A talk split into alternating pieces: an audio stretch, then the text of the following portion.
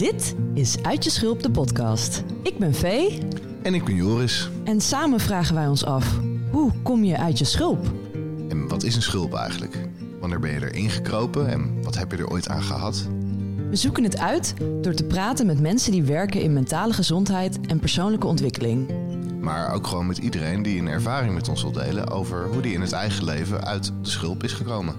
Want dat maken we tenslotte allemaal wel mee. En meestal zelfs meerdere keren. Door de verschillende verhalen en inzichten te delen... hopen we om iedereen die luistert te helpen om ook een klein beetje uit je schulp te komen. Iedereen is welkom. Want iedereen is wel eens uit zijn schulp gekropen. Pak een drankje, schuif lekker aan, laten we beginnen.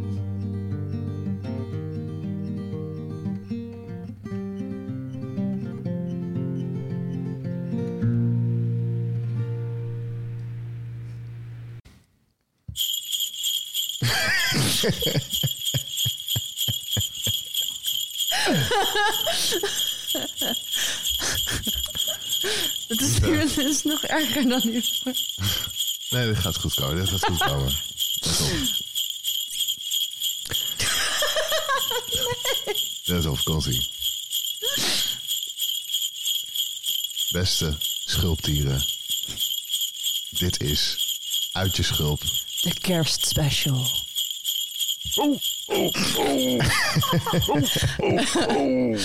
Oké, welkom. Welkom bij welkom. deze, En, eh, bij deze speciale aflevering. Ja, ehm, dit, dit gaan we misschien nog een paar keer doen vandaag. De geluidseffecten. De geluidseffecten. Ja. Ja, ja. Joris heeft geluidseffecten gedownload. En eh, ik ben er heel blij mee. Ja. Ja. en ehm, nou, jullie dus ook. Ehm, Ja. Ja. en, en anders heb je gewoon een, wordt het gewoon een heel lange aflevering. Voor. Ja. hey, ja, en ik dachten, ehm, we gaan, eh, ja, jij bent eh, weer in het land. Ik ben En we weer in het we- land. We, we gaan gewoon even last minute Ja. een, een aflevering maken. ja, want het is bijna kerst. En dat is zogenaamd de most wonderful time of the year. Alleen eigenlijk niet. hey, copyright. Mm, Oppassen. oh shit. Dat is een stukje. Ja, stukje. Oké, fragment. Sample. Ja. Ehm, en eh, eh, we dachten, laten we dan een aflevering maken met thema kerst. Kerst. En dan omdat wij natuurlijk uit je schulp zijn, eh, hoe ga je om met kerststress? Ja. En we hebben, en we hebben nog wat creatieve dingen erin. Ja, eh, want het moet ook leuk, het moet leuk zijn ook. Vee gaat sowieso een liedje zingen. Daar probeert ze onderuit te komen, Ja. maar dat eh, gaat niet lukken. Ja. Ik ga geen gedicht lezen. Daar ben ik voor mezelf onderuit gekomen. Maar dat gaat misschien ook niet lukken. Hoe, eh, wat? Hoe ben je er Eh, onderuit gekomen? nog, eh, Als ik mijn ding moet doen, moet jij ook jouw Ja, ding doen. Dat, is niet eerlijk. Gaat wel gebeuren. Gaat wel gebeuren. Ja, Dus we gaan gewoon allebei door de, door de schaamte heen. Ja, ja. We hebben nog twee speciale gasten vandaag. Eh, Waar we super blij mee zijn trouwens. heel blij. Want Ja. alles is super last minute. Ja. En we hadden eigenlijk drie gasten, maar Ja. er konden maar twee van de gasten ligt ziek komen. in bed. Eén is, één is ziek. En dat is mijn papa. Ja, jouw papa, mijn Helaas. peetvader. Eh, en jouw peetvader. Ja. Ja. Ja. Dat ik ook gewoon. Papa Tiedeman. Ja. En die zou eigenlijk voor ons een mooi kerstverhaal komen voorlezen. Ja, Dat dus misschien moeten we dus- gewoon nog een kerstverhaal verzinnen. Ja, precies. Ehm, we hebben een aantal eh, luisteraars gevraagd eh, om met ons te delen. Wat zijn nou, eh, wat zijn nou jouw stress- en pijnpunten rondom de kerst? Ja. Zodat we misschien kunnen meedenken in ja, hoe los je dat op. En een aantal van jullie heeft ook al tips gegeven. Ja, dat is hoe zij superleuk. dat zelf oplossen. Ja. Dus misschien kunnen we de kerst voor iedereen een heel klein beetje makkelijker maken. Want wat ons toch wel opvalt is dat, dat er een heleboel thema's opkomen die voor veel mensen gelden. Eh, die gaan over eh, opzien tegen eh, drukte en tegen heel veel verplichte familiebezoeken. Ja. Cadeaus, cadeaustress in drukke winkelstraten, budgetten, discussies over allerlei thema's. waar- je normaal gesproken in je vriendenclub het altijd roerend over eens bent. En dan ineens tegenspraak krijgt van andere richtingen van het politieke spectrum bijvoorbeeld. Mhm. Of wat dan ook.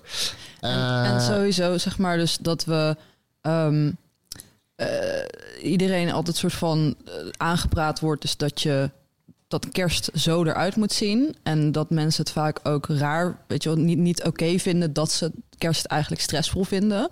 Ja. Dat het dus voor sommige mensen stressvol is in plaats van the most wonderful time of the year. Ja, En ik denk dus dat pas op, is, is copyright. ja, ik blijf het maar doen. en, ehm, eh, en dus dat we eigenlijk nu, zeg maar, dus op zijn uit, uit je schulp ten eerste dus willen zeggen... er zijn meer mensen die zich zo voelen. Je bent niet Mhm. gek of raar als je eh, kerst als een stressvolle tijd ervaart. En, en je kan er ook dus iets aan doen, zeg maar. Dus je, je kan er iets aan doen.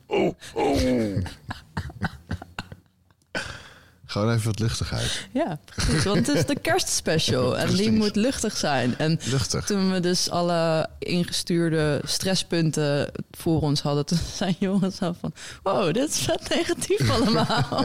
toen zei ik: Ja, het is voor niet iedereen, voor de kerst is, is niet iedereen gezellig. En zo, waar we het gisteren ook over hadden, toen Ja. legden we onze familieervaringen naast elkaar. En toen bleek het dus dat we totaal andere ervaringen hebben in, in hoe gezellig kerst is. ja, zeker. En, Ja. eh, en, en eh, ja, dus ik denk dus ten eerste fijn dus dat mensen dit met ons wilden delen. Dat is altijd iets wat heel vet is, vind ik, als mensen hun eigen ervaring eh, op een kwetsbare manier durven te delen met ons. Mhm. En eh, Zeker. We- zullen we gaan- gewoon zullen we de, de, lijst erbij pakken en Ja. eh, eens kijken of we er iets eh, ja, en, en we gaan dus. eh, constructiefs mee kunnen? Precies, ja. Eh een, van de, een van de dingen die er voor, voor mij vooral uitspringt is... eh, en dit is dan voor mij als, als vrouw zeg maar iets wat... eh, en ook in veel van dus het grootste gedeelte van de mensen die eh, mij iets hebben gestuurd... zijn toevallig allemaal vrouwen. Ja. Ehm, een van de dingen die misschien het meest eh, voor de hand liggend is voor vrouwen, is eh, dat ze eh, tijdens de kerst, als ze in aanraking komen met familie die ze bijvoorbeeld lang niet hebben gezien, is dat er opmerkingen worden gemaakt over hun uiterlijk. ja. Ben je aangekomen? Oh, ben je mager? Oh, nou, jij kan wel een extra hapje gebruiken. Ja, oeh, Ziet er zou je goed dat- uit. zou je dat nou wel doen, dat extra toetje? Even, Ja. ja. geen suiker voor jou. hè? Ja. Eh, en eh, ja, zeg maar, dat is een, een, een stressvol iets voor veel mensen. Misschien ook niet alleen vrouwen, maar het wordt voornamelijk bij vrouwen, zeg maar. En een van de dingen waar ik, dat had ik het gisteren ook nog even over toen we de aflevering, weet je, dat mijn eigen ervaring bijvoorbeeld, dat vaak eh, het ook als een soort, dat het niet eens altijd op een negatieve manier gebeurt. Dus eigenlijk dat mensen ook wel eens als, als een compliment proberen te zeggen van, oh, Ja. wat zie je er goed uit. En dat het Ja. dan over je gewicht gaat. Bijvoorbeeld bij mij was een keertje ehm, dat iemand dus zei van... Wauw, ben je afgevallen? Of oh, je bent echt afgevallen. Terwijl ik, ben, ik ben dus eigenlijk heel erg... Ja, ik ben van nature heel slank. Ja. En eh, ik was eh, juist heel hard bezig met gewicht weer terug... eh, eh, hoe zeg je dat? Ja. dat weer aan te komen. Omdat ik een periode had gehad waarin ik dus ineens heel veel gewicht had verloren. Dus ik was niet, niet slank meer, maar ik was mager. En dat was zeg maar dangerous. En er Ja. was niks leuks aan, er was niks goeds aan. En ik was juist aan het proberen om dat dus weer terug te krijgen. Dus op het moment dat zij dus zei van, een soort compliment bedoeld... Van, wauw, ben je afgevallen? Oh, je bent echt afgevallen. En ik had echt zoiets van, nee, dat meen je toch niet? Godverdomme, nee. Ehm, dat is niet de bedoeling, want dan ga ik dood. dat is niet, niet cool. Ehm, dus mensen die eh, proberen vaak op een soort van onhandige manier complimenten te geven aan elkaar. Ja. En dat is misschien ook wel een handigere manier om het te zien. Soms. Ja, het is, het is, Wat, wat zie jij is- als man? nou, ik herken het wel. eh, Ik herken het wel als een van soort van de thema's die altijd bij kerst eh, omhoog komt. Hmm. Omdat eh, kerstbijeenkomsten gaan heel veel over eten. Mm. En eten is gekoppeld aan eh, heel veel aan hoe denk ik over mijn lichaam en hoe, hoe zie ik mijn figuur. En eh, het gros van de mensen is ontevreden over hoe, hoe, hoe ze vinden dat hun lichaam eruit zien, Hmm. ziet. En slank is nog steeds een schoonheidsideaal. Mhm. als familieleden slankheid zien, dan, dan denken ze, dan denken de meeste mensen denken ze van, oh wauw, wat, wat goed en wat, wat fijn voor je. Uh, maar dan duik je dus niet echt in de beleving van de ander inderdaad. Dus sommige mensen zijn gewoon heel, zoals jij, je bent heel, heel slank van jezelf en zal inderdaad eerder moeten uh, ervoor zorgen waarschijnlijk dat je genoeg eet en dat je te weinig eet. En dat is al een heel moeilijk concept om te snappen voor heel veel mensen, denk ik. Uh, en het is ook een van die soort van, net als het weer, weet je wel, van die go-to dingen van, oh ja, met kerst heeft altijd iedereen het over dat je dan te veel eet en dat je dan, het is, ja, eerlijk gezegd, is het gewoon een oerzaai onderwerp om het over te hebben, ja, ten zeker. eerste. En over lichamen is het best wel, um, is het nog vrij, is het nog vrij soort van recent uh, dat het, dat er een verschuiving plaatsvindt van want vroeger was het gewoon helder, weet je wel. Ben je te zwaar, dan ben je te dik en dat is, dat is niet goed. En uh, uh, ben je slank, dan is het. Maakt niet uit hoe, hoe, slank je ook bent, weet je wel. Dat is sowieso goed. En, en dat, want dan ben je gezond en dan ben je knap. Mm. En ondertussen is er veel meer openheid over. Ja, er is, en acceptatie voor. Er zijn gewoon heel verschillende lichaamstypes. Ja, en ster, sterker nog, nog zeg maar een, een hele langere tijd geleden was dik zijn juist een statussymbool. Ja, oh ja zeker. Dat, dat je ja. genoeg kon eten. En dus Ja. was dat als je te mager was, als je te slank was, dat dat juist eigenlijk een soort van niet oké was. Ja, precies. Dus het hoe meer vlees er op je botten zat, hoe beter eigenlijk. Omdat dat aangaf van dat je Ja, genoeg... ik ben welvarend. Ja, precies. Dus hè, ik bedoel, als je kijkt naar alle portretten van, van vroeger, die eh, eh, van de. Sorry, mijn koptelefoon gaat steeds uit. maar ja, dus zeg maar de, de, de, de, de meningen die wij hebben over wat, wat eh, een bepaalde vorm van een lichaam betekent, die veranderen constant. Ja. En we doen eigenlijk dus alsof de ene vorm goed is en de andere vorm niet goed is. Ja. En mensen denken altijd dat hun mening zo belangrijk is. Ja, en eh, eh, kijk, ehm, er is iets in die mode aan het verschuiven. Mode Ja. tussen aanhalingstekens, denk ik. Maar die, die, die, die verschuiving is pas redelijk recent ingezet. Hmm. En we worden nog steeds voornamelijk gebombardeerd met dat, eh, met dat ja, eh, schoonheidsideaal waar wij mee zijn opgegroeid, zo'n Mm, beetje. mhm. Met eh, slank is, is, is, is knap en goed en gezond. Dus ik, ik denk, het duurt gewoon ontzettend lang voordat verandering bij de meeste mensen is geland. Mhm. En, en ik, ik merk zelf dat ik daar ook nog wel mee, eh, mee, mee worstel af en toe, weet je wel. Ik, ik kan niet zeggen dat ik eh, altijd helemaal content ben met eh, hoe ik er lichamelijk uitzie. Mm. Eh, ik, dat idee van, ah ja, toch iets meer, iets meer spieren, iets minder vet zou toch wel mooier en beter zijn. Mm. Ehm, terwijl dat helemaal is losgekoppeld van hoe ik me voel lichamelijk. Ja, ja, ja. ja. Dus dat is, eh, dat is heel, eh, heel grappig. En wat zou dus een behulpzame, behulpzaam iets zijn voor hiermee om? Zeg maar, wat zouden we soort van als een behulpzame, niet per se advies of zo? Want we Ja. zijn geen adviesbank, maar wat zeg maar, wat zou een, ja, wat zou eh, toch misschien dan is advies een beter woord. Zeg maar, wat zouden we kunnen zeggen van wat, hoe kunnen we hier handiger mee omgaan? Zeg maar, hoe kunnen we iemand die dus bang is voor de kerst eh, stress, eh, het kerststresspuntje dat er Ja. over gewicht gepraat wordt, Ja, kunnen we nou die nu, nu naar de aflevering luistert, wat kunnen we zeggen? Zeg maar, hoe kunnen we iemand helpen om zich daar minder gestrest over te voelen? ja.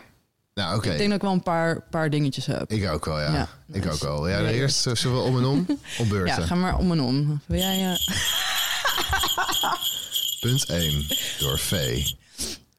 Oké, punt 1 door V is eh, wat voor mij heel erg helpt met dit soort dingen, is ehm, ten eerste dus om te kijken naar, eh, of om, om het zo te zien dat wat andere mensen over jou en tegen jou zeggen, vaak een reflectie is van hoe zij zelf met zichzelf bezig zijn. Ja, En dus als iets voor jou als kwetsend of, of heel erg kritisch overkomt, dat dat vaak dus een reflectie is van wat die persoon eigenlijk over zichzelf denkt. Dus als iemand bijvoorbeeld zegt van, zo nou, eh, jij bent eh, aangekomen dit jaar, zo. Dan zeg maar is het eigenlijk een soort projectie van dat ze misschien ook over zichzelf heel erg druk maken van eh, hoe zij eruit zien en, en wat hun gewicht over hun zegt, quote unquote. Ja, of, in, of juist die eh, de, de, de, de oom of tante die, eh, die zegt van... oh, jij bent, wat ben jij mooi slank of zo, weet je wel. Ja, dat die zich Ja, eh, die- die- ongema- ongemakkelijk over hun eigen gewicht voelen. Ja, precies Ja. dat. Ja. Ja. Dus keer hem om, zeg maar. Keer hem om in plaats van dat je denkt, dit gaat over mij. Het gaat meestal niet over jou. Ja. nou, tip 2 door Joris. Ehm, ja, ik, ik, m- misschien zijn eh, twee tips ver- verpakt, eh, verpakt in één. Twee voor de prijs van één. Ja. Joh. Ehm, en ik, die gaan denk ik allebei over begrenzing. Dus Mm. eh, kijk, als je een onderwerp irritant vindt, ja, zorg dan gewoon dat het eh, of niet op tafel komt, of dat het zo min mogelijk tijd eh, kost. Dus gewoon eh, maak duidelijk dat je het heel oninteressant vindt om het over te Mm, hebben. Mhm. Eh, en kap het ook gewoon af. Ja, ja. En eh, eh, dus zeg gewoon, nou ja, oké, eh, dankjewel. Of vind ik niet interessant. Of Mhm. wat dan ook. Door op iets volgends. Ja. En, en let it go. En, maar begrenzing is ook gewoon... Ja, aan de andere kant kan je ook gewoon aangeven... Joh, ik vind het niet heel, niet heel chill om het hier met elkaar te hebben... over Mm. ons lichaamsgewicht en dan te gaan beoordelen... Mm. Eh, wat dan goed is of wat dan slecht is. Mhm. Voor mij zijn we allemaal gewoon andere mensen met andere lichamen. En, eh, ja. ehm, en een andere begrenzing is, is gewoon, denk ik... Want je had het al over vrouwen.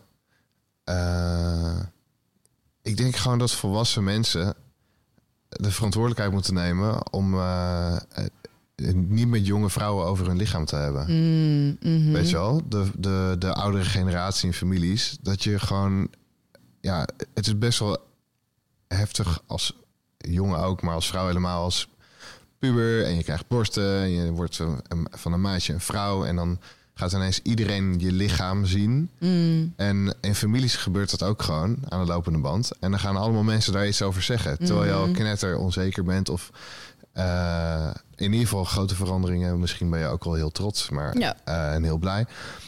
Eh, maar in ieder geval, het kan gewoon zo snel, gewoon zo ongepast zijn. ja. Dus dat Ja. zou ik gewoon... En, en dat is dan een tip aan, voor begrenzing aan de kant van de mensen die dit soort dingen op tafel gooien.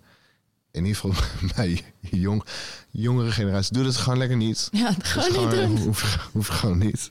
Ja, ja, zeg maar, ik denk dat ook, en misschien is dat tip nummer drie. Ja, hey. mooi, mooi, mooi. Getting into it now. Tip nummer drie is geef betere complimenten, denk ik. En dat is misschien een beetje judgmental gezegd. Maar ik denk dat, waar we het eerder ook al over hadden... er is iets makkelijks aan altijd dezelfde dingen zeggen. Dus het over het weer hebben, het over het gewicht hebben, bla, bla, bla. Terwijl, en het, het- is misschien zelfs een beetje een soort van onkunde... dat we bepaalde dingen als compliment geven... omdat we niet beter weten. Ja, En, ehm, en, en bijvoorbeeld uh, als iemand anders jou een compliment geeft, wat eigenlijk voor jou geen compliment is. Dus als het iets, zeg maar, als iets dus. Uh, hè, bijvoorbeeld dan in mijn geval was het dus zeg maar bedoeld als een compliment, maar het was eigenlijk kwam het helemaal niet aan als een compliment. ja. En ik denk dat wat, wat heel handig is, is dus juist andere mensen leren hoe jij behandeld wil worden. Aha. Door dus zelf te doen hoe jij eigenlijk behandeld wil worden. Dus bijvoorbeeld als je geen complimenten, of hoe zeg je dat? Als je geen commentaar wil krijgen op hoe jij eruit ziet, ja. dan helpt het bijvoorbeeld heel erg om um, complimenten te geven aan de familie of zo die je om je heen hebt, of de mensen die je dan om je heen hebt, die dus niet gaan over uiterlijk. Bijvoorbeeld Ja. dus van, um, ja, even uit mijn hoofd even denken, maar. Um, Wat heb jij een heerlijke stem? nou ja, bijvoorbeeld, of zeg maar, wat klink je, wat klink je opgelucht? Of weet je, wat Ja, klink je, wat klink je relaxed? Ja, wat klink Ja. je relaxed? Je komt heel, heel rustig over. Ja, En eh, alsof het, eh, weet je, zoiets is bijvoorbeeld veel meer waard voor mijn gevoel. Omdat dan, dat gaat meer over connectie van hoe iemand anders jou meemaakt. In plaats van, zo zie je eruit voor mij. ja. En, eh, want hoe iemand eruit ziet is niet per se representatief over hoe ze zich voelen of wie ze zijn van binnen. Mooi. dus ik denk dat dat is mijn tweede tip. Is geef betere complimenten als je... Ja, zeg maar, leid door, door voorbeeld, door goed voorbeeld. En geef Ja. betere complimenten zelf. Want dan leer je dus ook hun, zeg maar, de mensen om je heen... om op een andere manier na te denken. Zeg maar, als ze ineens zien van... oh, wacht, dat, is- nou, zo heb ik nog nooit een compliment gehad. Want dat heb je ook gewoon van mensen. Dat ze gewoon nog nooit, eh, nog nooit een, een, een, een opmerking hebben gehoord over zichzelf... die echt over connectie gaat. Die echt, zeg maar, waarin ze echt gezien worden. Dus als zij niet weten Ja. hoe het moet... dan kunnen ze het ook niet bij jou doen. Ja. Dus dat is mijn... Nice. Ja, dus- Goed bezig. nee, ja, ik, eh, ik zeg, eh, we gaan door naar het volgende thema. ja oké, let's do it. Even mijn Toch? Er zijn lijst, nog ja. meer, eh, ja, we, zijn, we hebben er nog meer en we moeten er doorheen. Want het is, het is al bijna kerst. Het is bijna Het is al kerst. bijna kerst, Ja, dus we jullie hebben dit nog allemaal te verwerken en Precies. over Ehm, na te denken. Precies. Oké, ehm, misschien kunnen we het dus hebben over geforceerde gezelligheid. Oeh, Dat was wel een groot punt voor meer mensen. En die heeft ook verschillende eh, eh, facetten, zeg Ja. maar. Want we hebben dus meerdere, meerdere mensen gevraagd van... wat zijn jullie pijnpunten? En Ja. ik, wij hebben dus nu dan zeg maar dat we thema's daaruit hebben geplukt. Maar die thema's hebben wel allemaal verschillende kanten. Dus dit is dan een soort van het thema. En er zijn verschillende kanten van. Dus een van Mhm. die dingen is bijvoorbeeld dat ehm, er zo'n druk staat op eh, hè, dat het zo gezellig moet zijn. Ja. En dus als mensen zich niet goed voelen, dat dat er dus dan niet mag zijn. En dus dat ze dan maar moeten doen alsof. ja. Het, eh, het, eh, het eh, Engelse woord of Amerikaanse woord eigenlijk jolly. Ja, A jolly, Jolly. good time. ja zeg maar your jolly eh, hostage. A hostage of the jolly. Ja, en inderdaad, dus een van de mensen die vroeg, die had het inderdaad dus ook over het donker. Het is letterlijk de donkerste Ja, tijd van het jaar. ja. De 21 is, is de, de kortste dag, de langste Ja. nacht, minste zonuren. Ja.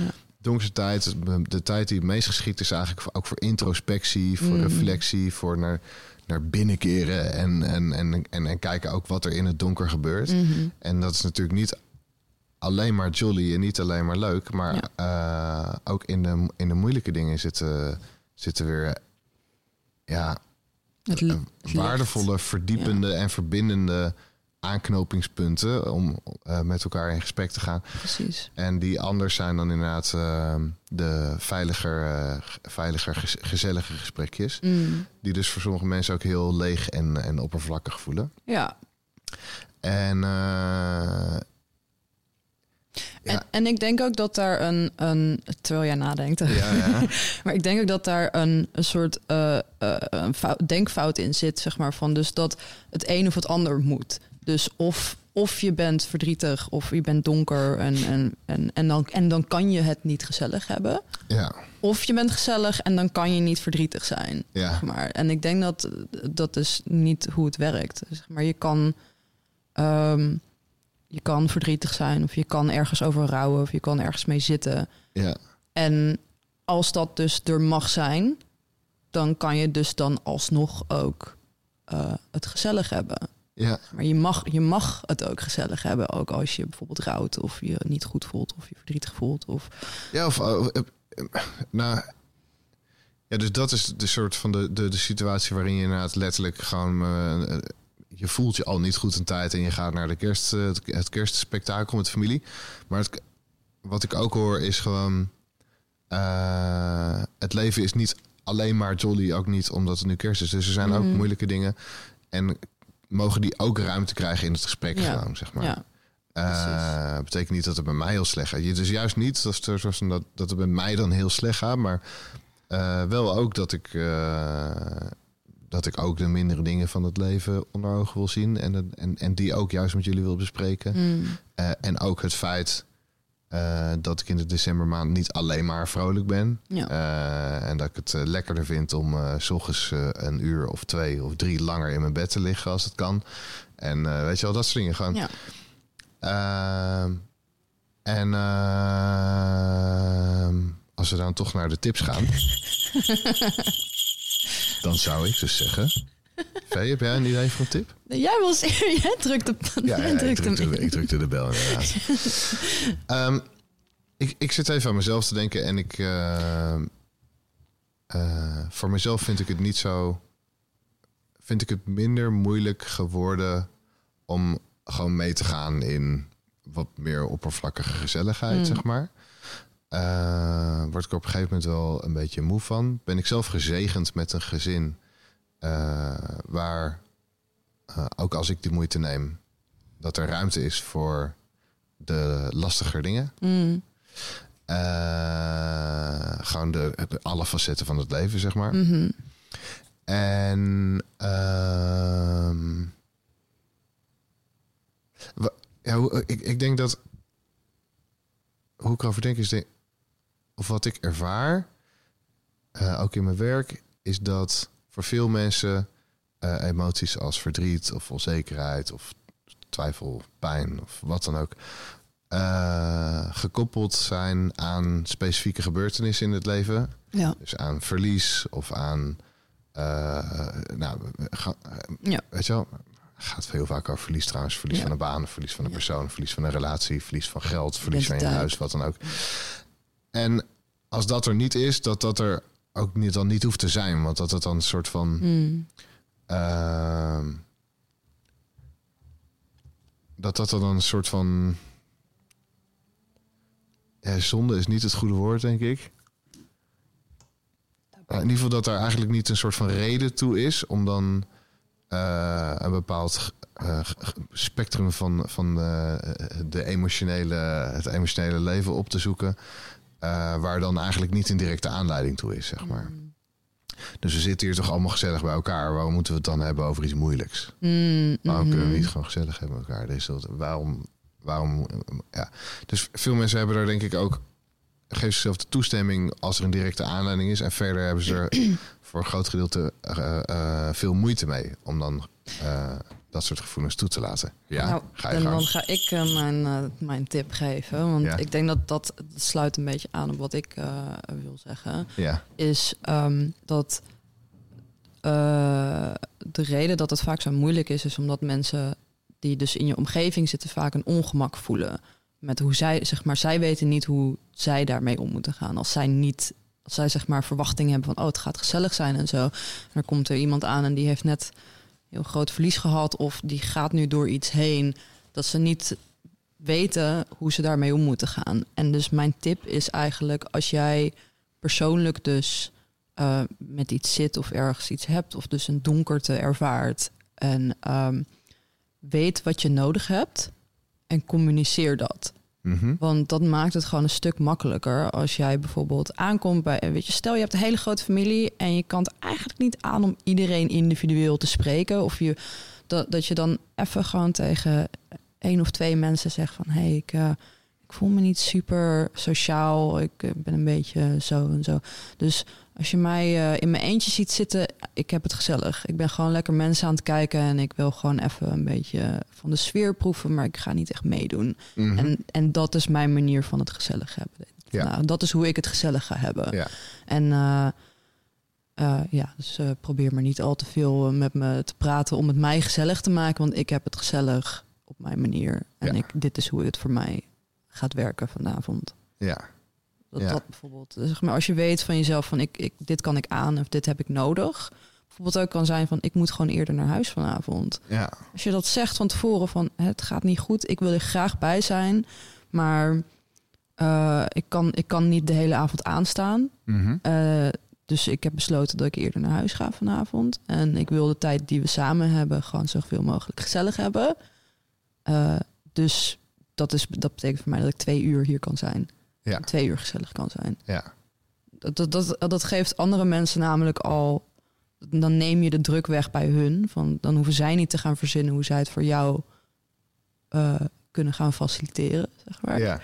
En dan weten ze tenminste ook van, ik hoef ze niet op te vrolijken of ik hoef niet dit te doen of wat dat te doen, zeg maar. Dus dan, dan heb je eigenlijk al dat je aangeeft wat je nodig hebt. Ja. Dus dat was mijn, eh, mijn tip. En dit, dit gaat natuurlijk allemaal over persoonlijke eh, gevoelens. Want een van de thema's die dus ook naar boven kwam, was dus om grotere soort van gevoelens. Die dus niet met jouw persoonlijke leven, maar meer met de staat van de wereld te maken hebben. ja. En misschien is dat dus ook een, eh, een ding. Is dus dat je eh, misschien ook gewoon dat kan aangeven van ik wil het liever niet over deze dingen hebben. Of ik wil, voor mij is het heel belangrijk dat als we het hierover hebben, dat uh, mijn stem gehoord daarin wordt. En niet alleen maar uh, ja, uh, dat, dat, dat, dat, dat, dat mijn stem er niet mag zijn of zo, als we het hierover hebben. Maar politiek is heel moeilijk iets om te bespreken met familie. Ja, is überhaupt, is überhaupt wel, ja. wel redelijk moeilijk. Ja. Maar goed, ja. Ehm, ja. ja. Uh, nog een tip doen? nog één tip. Of tip misschien gewoon meer een uh, gedachte. Oh, oh, oh. um, ja, ik, ik, heb het, uh, ja, twee, twee dingen die me nog te binnen schieten is denk ik... Um, uh, de vraag in hoeverre ga je al naar zo'n bijeenkomst vanuit het idee, soort van uh, dit, dit mag ik dan niet zijn en dit kan ik dan mm, niet, mm-hmm. dit kan ik dan niet zo en dit kan ik dan niet zo. Als, je, als je dat nou eens loslaat en gewoon, en gewoon er naartoe gaat. Ja. En ehm, dus ook een beetje probeer bewust te zijn welke, welke rol je in neigt te schieten. Hmm. En dat dan niet doen. Mhm. Gewoon helemaal jezelf blijven. Gewoon precies meenemen wat je wil meenemen. Ja. En precies zijn wat je wil zijn. Precies zeggen wat je wil zijn. Precies vragen wat je wil zijn. En een andere is inderdaad... Dus als je... Als je het jammer vindt dat eigenlijk alleen maar een soort, soort, zo'n soort van schijnvertoning van vrolijkheid is. Uh, het, het, het helpt mensen vaak onwijs als je, als je gewoon met een interessante vraag komt die, uh, die iets openbreekt. En als je vindt dat er, dat er een disbalans is tussen uh, net doen alsof alles heel leuk is en, en dat er eigenlijk ook gewoon hele moeilijke dingen zijn in het leven.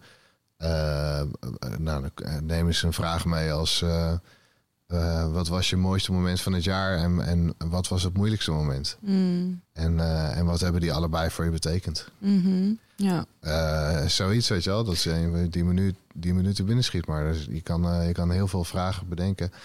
En serieus, met, als, je, als je één mooie vraag weet te bedenken... dan, dan ben je zo een hele avond in gesprek aan de hand daarvan met de familie. En is dat iets totaal anders dan inderdaad in de standaard uh, topics vervallen. Ja. ja. ja. Nee, zeg maar, zeg maar. Ja, en, en wat ook gewoon zo is, you're not on trial zeg maar. Als je naar familiebijeenkomst gaat en zo. Uh, je bent daar niet om mensen te overtuigen van dingen. Je bent daar niet ook om, zeg maar, gelijk te hebben over dingen. En, ja. en je bent daar, zeg maar, de... de, de uh, ik denk dat er heel veel um, uh, pijn komt dus uit dat je naar een familiebijeenkomst gaat... en dan er dus achter komt dat hun prioriteiten en hun waarden anders zijn dan die van jou. Of niet helemaal overeenkomen met die van jou. Ja. En waar dan dus een, groot gedeelte van die pijn uit voortkomt, is dus dat je ze niet kan overhalen tot jouw manier van dingen zien. Ja. En ik denk dat dat, zeg maar, dat is vaak in de politieke discussies en zo heel, heel moeilijk, zeg maar. Omdat iedereen heeft zijn eigen standpunt. En als je dus um, aan tafel zit, wil je eigenlijk dat iedereen over hetzelfde, hetzelfde nadenkt over dingen. Ja. Dus, en dat dat zeg maar de, de voorwaarde is voor het gezellig hebben met elkaar. Ja. En ik denk dat misschien ook juist het mooie aan familie is dat je dus eigenlijk leert om. Uh, het leert dus dat dat eigenlijk niet de voorwaarde voor uh, aan tafel kunnen zitten met mensen is. Je kan aan tafel zitten met mensen die jouw punt niet zien en nooit gaan zien en nooit gaan snappen. Ja hoe kan je daar dus wel, zeg maar, hoe kan je wel met wat zijn de dingen waar je wel met elkaar overeen kan stemmen? Ja, en ik denk dat dat eigenlijk. Eh, eh, nou, je hoeft, je hoeft ook helemaal, je hoeft helemaal niet overeen te stemmen. Nee, ja, misschien is dat een. Je, je hoeft je helemaal het niet over dingen hebben. En, en, en waarom is het niet interessant om te horen hoe iemand uh, het leven ervaart? Ja. Ook als die ervaring anders is dan voor jou. En je zal, je zal merken als je het even lostrekt, inderdaad, van uh, elkaar willen overtuigen en. Uh, uh, je eigen gelijk willen krijgen, mm. is dat je eigenlijk veel meer overeenkomsten ja. gaat opvallen dan er verschillen zijn. Ja. En En daar komen die vragen dan weer bij. Dat de vragen stellen Ja. is veel, veel interessanter uiteindelijk. Dan krijg je een veel interessanter gesprek. In en dan natuurlijk moeten dat niet vragen zijn die eigenlijk heel retorisch zijn. Dus zeg maar van dat het eigenlijk gewoon een, een judgment is wrapped up in Denken jullie ook niet dat het veel beter is om gewoon allemaal te stoppen met vlees eten? En eh, ik zal in de, in de show notes even een aflevering zetten van een, eh, in, van een podcast. eh, de podcast van Esther Perel. Een van de meest recente afleveringen. Waar ze spreekt met een eh, vrouw. ik weet even niet. panseksuele vrouw volgens mij. En een vader die politieke kleur heeft. waardoor zij zich niet erkend of geaccepteerd Mm. voelt. Mhm. En dit is een super mooi gesprek. Mm. Heel mooi gesprek. En eh, ja, eh, als jij zoiets voelt, luister, luister deze sessie. Mm. Eh, ik, ik vond het heel mooi en heel. Waardevol. ja, waardevol, maar, maar, maar positief en ook eh, zo'n soort van. Of, nou, mooi. Ja. Ga, ik, check Ja. de show notes. En, We gaan hem erin stoppen. En, en ik wou ook nog één dingetje, en dat is dan ook weer van, van iemand anders. en dat is, eh, geloof ik ooit in een interview met Brené Brown had ze het over dat, eh, de, dat er altijd twee dingen zijn die je moet onthouden over mensen. En dat is ten eerste eh, dat ze altijd, everyone is always lovable to someone. And everyone is afraid of something. Oké. En dat zijn zeg maar, ik denk ook zeker in dit soort gesprekken, luister niet naar wat ze aan het zeggen zijn, maar luister naar waar ze misschien bang voor zijn. Mhm. Ga daarop in, zeg maar. Ja. En niet, want vaak dan, dan wijzen we naar een probleem. En, en dan is dat eigenlijk helemaal niet wat er gaan is. Zeg maar weer dat projectieding. En het is heel interessant om. Het is veel interessanter om daarnaar te kijken dan te zeggen: Oh, iemand, zeg maar, iemand die heeft een mening hierover en dat is niet goed. Dan kunnen we hiermee Naar over volgende. naar het volgende Ja. thema. Oké. Ehm, terwijl ik opzoek. die is nieuw. Die is niet heel kerstig.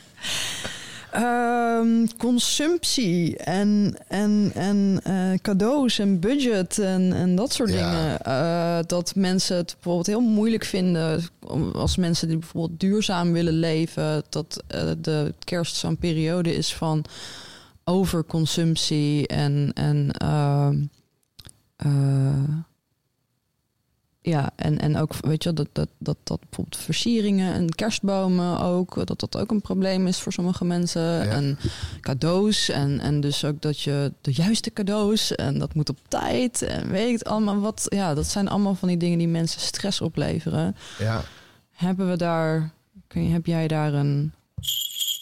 here Dat. we go. Oké, ten eerste.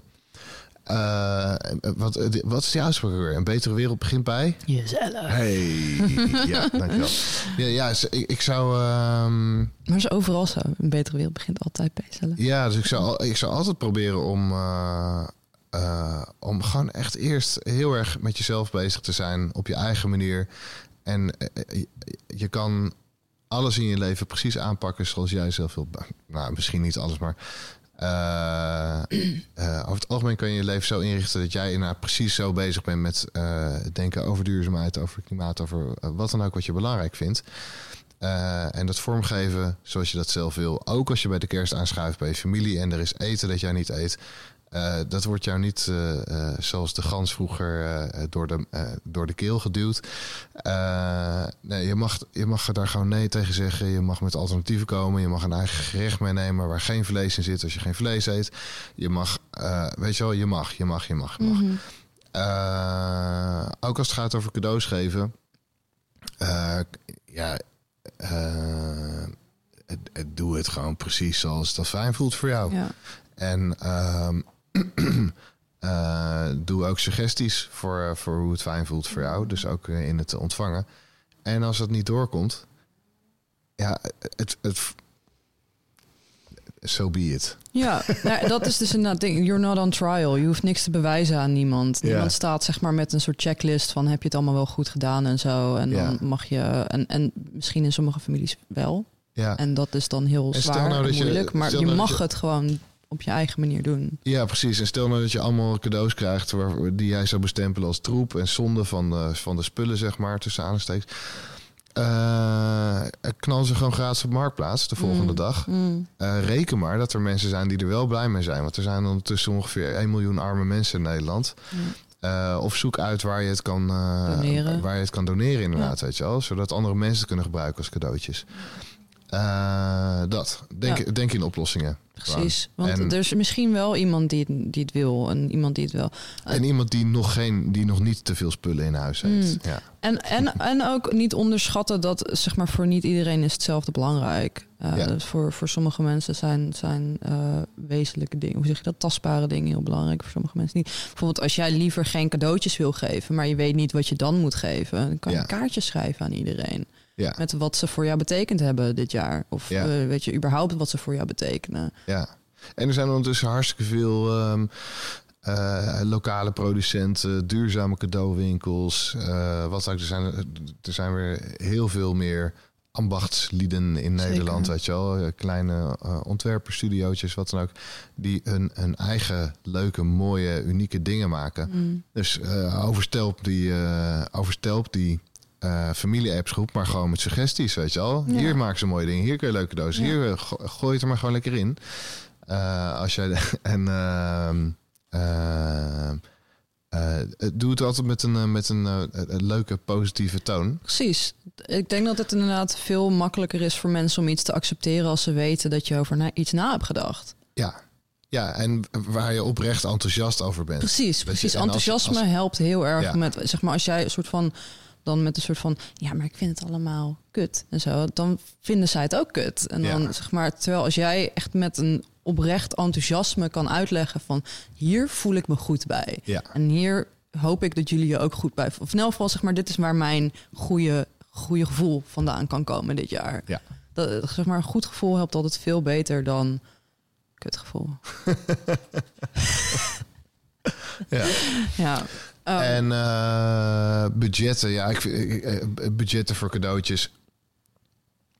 Ehm, eh, ja, nou, wat Nou ja. vind ik daar? Wat vind ik? Ik, ik, ik weet niet zo belangrijk is wat ik van vind. Ik, eh, kijk, eh, eh, niemand kan als het goed is in jouw portemonnee kijken. Dus als je merkt, dit is voor mij, wordt dit te veel geld. eh, ja, dan, dan zou ik dat gewoon aankaarten of, en op een andere manier pro- proberen op te lossen. Eh, en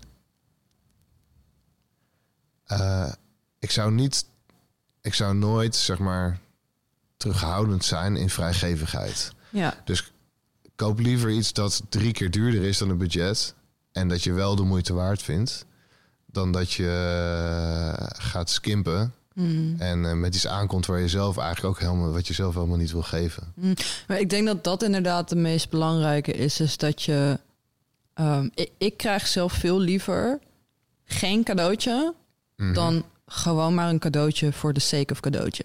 Ja, Ik krijg veel liever niks. ja, Eh, Zeg maar, ik heb vaak genoeg, eh, vaak genoeg cadeautjes gekregen waar.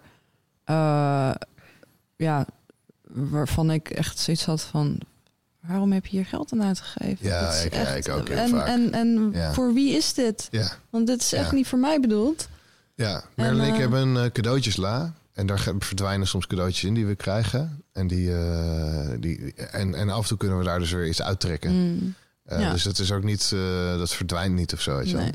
En En, ja, mijn, mijn cadeautip zou altijd zijn: als je, als je moeite hebt met spullen geven, ga richting de, de, de eethoek. Ja, eten is altijd goed. Eten is altijd lekker. En ook ervaringen zijn ook cadeautjes. Ja, Hè, je kan ook, ik bedoel, ik eh, heb sommige van mijn favoriete cadeautjes zijn altijd ervaringen geweest. Ja. Ik bedoel, ik heb, ik heb ook wel eens gewoon eh, dat ik dan een, een briefje kreeg met dit gaan wij doen samen dit Ja. jaar, komend Ja. jaar. ja. En eh, dat kan wil ook je wel niet leuk geven zijn. aan die irritante oom die, eh, die je één keer per jaar ziet. En dan, eh, na vijf minuten al helemaal... Nee, maar misschien verdient die oom het ook gewoon niet om, om iets te krijgen van je. Want dat is ook een ding, zeg maar. Misschien, ehm, ja, en dat is misschien weer waar die soort van grenzen of zo vandaan komen. Zeg maar, voor sommige mensen hoef je ook gewoon niks te halen. Ja, ja, nee, ja, ja. Weet je, als je het Ja. echt niet wil, dan doe je het gewoon niet. Ja. Dan hoef je ook niks Maar bij uit wel te moeilijk. leggen. Als je of zijn familie zit met zo'n die, die gaan dan Ja. zo'n spelletje doen en dan gaan ze ook een cadeautje geven en zo. En, eh, Kijk, ja, ergens is het ook altijd een beetje de vraag. ehm, hoe belangrijk is het voor me om hier een probleem van te maken? Mm, mhm. Versus hoe. Weet je wel, eh, ehm, waar moet ik in mezelf overheen stappen? Om gewoon te zeggen: ik doe gezellig mee. Mhm. Versus hoe groot en, en relevant is het punt dat ik ga maken als ik zeg: ik doe niet mee. Ja. En eh, ja, dat. Dus weet je wel, dus. ehm, Ja, ja. En, en, en, en dat, want ik zit dan ook zeg maar na te denken over. Er zijn inderdaad van die, van die, van die spelletjes die bijvoorbeeld gespeeld worden Ja. eh, tijdens kerst. En dat iedereen daar dan aan mee moet doen en zo. ja. En ik zit dan voor mezelf te denken van ja, eh, je, je mag daar ook gewoon zeggen, ik wil daar niet aan meedoen. Maar ik wil wel met het eten bijvoorbeeld meedoen. Ja. Eh, of ik wil graag met het kerstliedjes zingen meedoen. Of ik weet niet wat de mensen voor tradities hebben. Maar, of weet je, ik ga wel mee naar de kerk, maar eten doe ik thuis. Of weet je wel, spelletjes spelen hoeft niet. Ja. Cadeaus, dingen en zo, doe, hoeft niet. En ehm, je, mag, je mag uitkiezen waar je wel en niet aan meedoet. ja. En inderdaad, zeg maar, ehm, hoe groot een probleem, zeg maar, ja, hoe, hoe groot je van iets een probleem maakt. Want uiteindelijk is het ook een beetje je zelf mag kiezen hoe, eh, hoe groot een probleem is. ja. Of zo. ja. Als, als- ja, ja.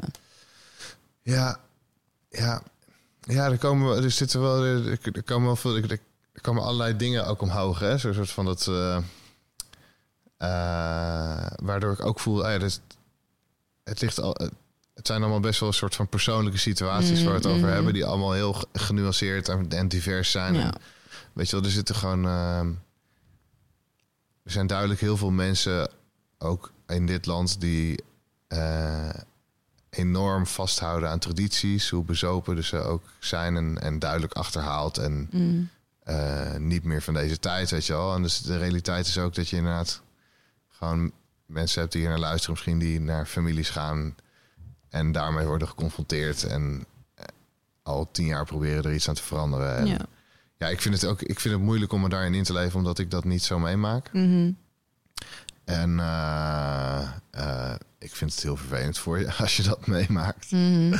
Eh, dus ik denk niet, ik hoop niet dat ik probeer dat probeer of het idee geef dat ik dat aan het bagatelliseren ben door Mm. te zeggen van ja, kijk even in jezelf ook waar je overheen moet stappen versus versus wat je wil proberen te veranderen.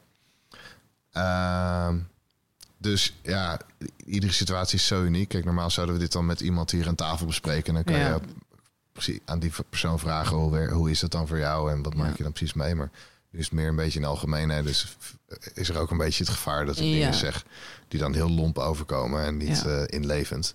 Maar eh, dus daarom nog even deze toevoeging. Ja, en, en dat, eh, dat is fijn ook dat je dat zegt. En dat is zeker ook een, een belangrijk iets ook om te onthouden. Inderdaad, zeg maar de, de, de antwoorden die bij jou passen, die kunnen wij nooit geven, zeg maar. Ja, Wij, wij weten het niet. ja. ja, Eh, en, en dat is ook uiteindelijk het doel niet van, van een podcast zoals dit. ja. Wij zijn hier om dingen te delen. En zeg maar, soms zijn dat hele specifieke dingen van andermans verhaal. En soms is dat wat algemener. En ja. uiteindelijk moet je er gewoon zelf iets uithalen. En jij mag zelf bepalen wat je eruit haalt. En Ja. jij mag ook zelf bepalen wat je daarmee doet. Ja. En dat is verder onze zaak niet. ja. Kijk maar even. Kijk maar even. Ja. Eh, nee, sorry, dat, dat, is, dat is een grapje. Ik bedoel, het is niet kijk maar even. We care a lot. Ja, ja, zeker. Maar inderdaad, zeg maar, wij, wij, zijn, wij weten het ook niet wat de specifieke situaties van mensen zijn. En dat kunnen we ook niet weten van iedereen. Dus ja, maar als, we, dingen als we inderdaad weer terugkoppelen aan, eh, aan uit je schulp komen, dan, Mhm. dan horen we in ieder geval een paar dingen die langskomen. Die gaan over eh, hoe sta ik mezelf toe om eh, mijn grenzen aan te geven eh, in ja, familiesettings waar het voor een groot gedeelte vaak gaat over tradities, over routines, over rituelen, weet je wel, dingen, hoe we de dingen doen. Mm, Eh, en ehm, eigenlijk gaat het ook over gewoon de beweging van eh, conservatief progressief. Hè? Dus mm, mm. vasthouden aan wat er is en eh, versus eh, ontwikkelen naar nieuwe dingen. En ja, soms moet je dan echt een, met een breekijzer te werk gaan. En soms moet je met, juist met heel veel liefde en heel veel tact en, en voorzichtigheid en heel veel geduld. En ergens zal er altijd een spanningsveld zijn tussen die twee, eh, tussen die twee krachten, tussen het conservatieve en het progressieve. Mhm. Tussen mensen die willen dat de dingen blijven zoals ze zijn en mensen die eh, openstaan voor verandering. Ja. ja, en ik denk dus wat, en dat hebben we al een keer gezegd, dat, eh, dat de meest, ehm, de meest grote katalysator voor verandering is altijd enthousiasme, Ja, toch wel. Zeg maar, en, en dat, ehm, ja, zeg maar, dat, daar, daar, want in enthousiasme neem je andere mensen mee. En in kritiek stoot je andere mensen af. Mhm. Ja, oké. Enthousiasme is één kracht. Ik, ik zit dan meteen te denken aan eh, s- een soort theorie die ik ken. Mm. En eh, dus enthousiasme is inderdaad is een van de energieën waar je mensen in mee kunt nemen. Mhm. En eh, dus kritiek is niet zo, dus is vaak niet zo productief, maar een andere, een andere is natuurlijk eh, eh, overreden. Dus de kracht van, van gewoon goede argumenten Ja. en, en een ja, een goede discussie voeren waar je heel helder duidelijk maakt van Mm.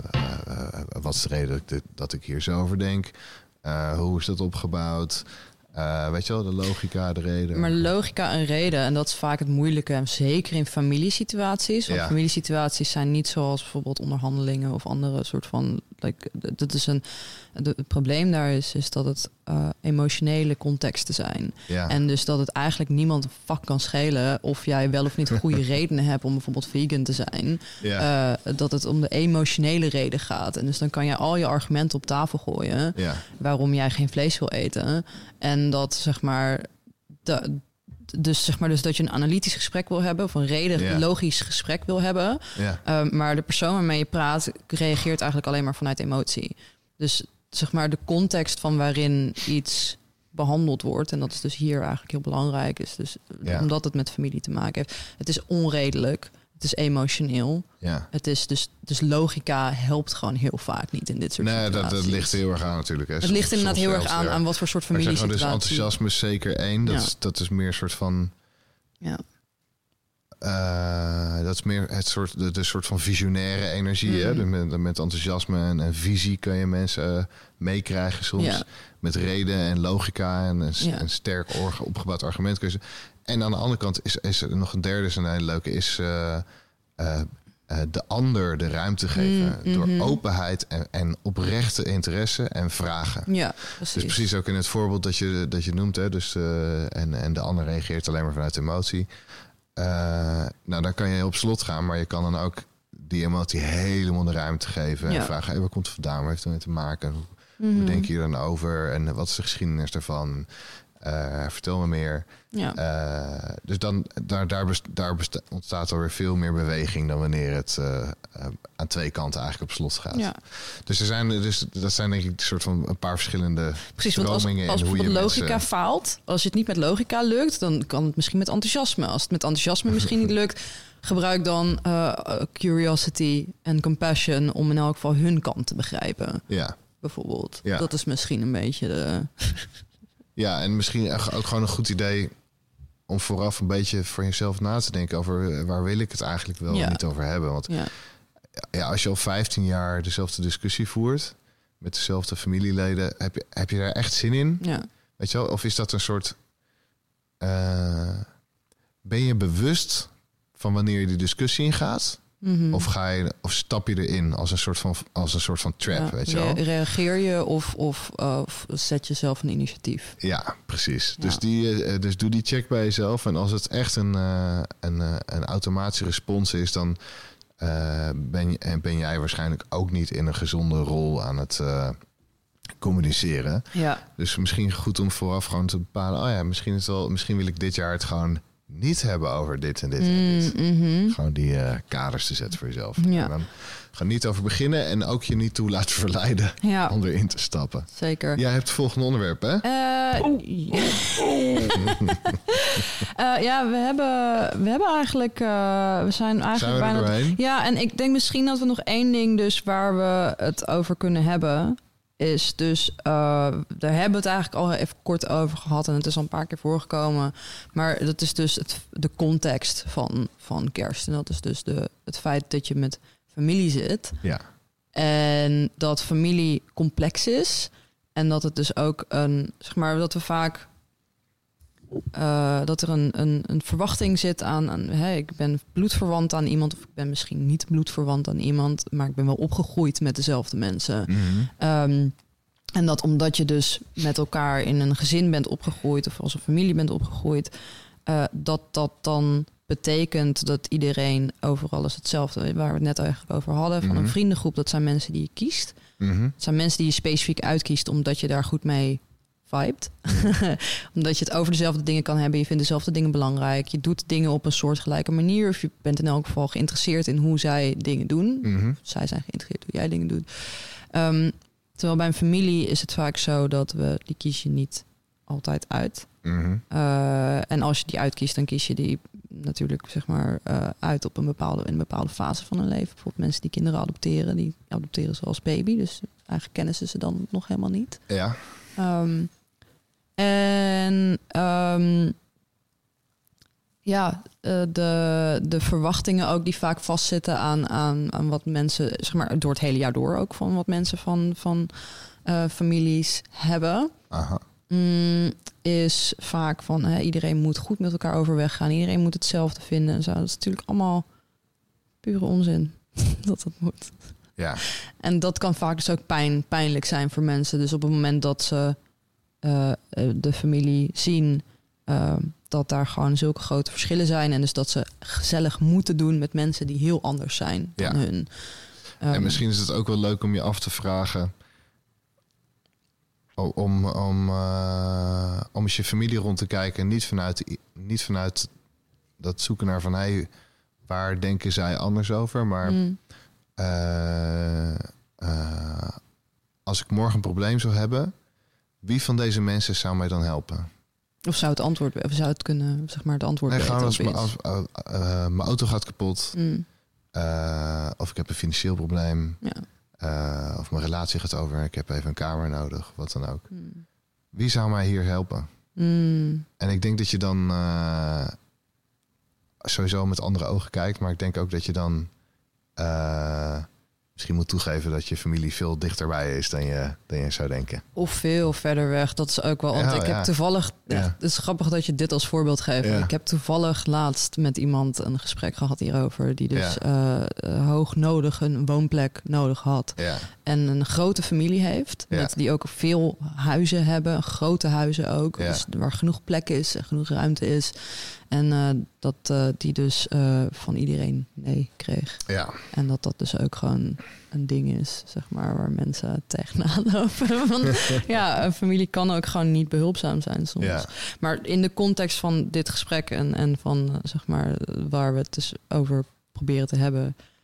Eh, wow, zijn we al zo lang bezig? Jezus, oké. Ja, ongelooflijk veel. Maar dan moeten we, ja, moeten we Wat misschien... een, eh, wat een gezwets. ja.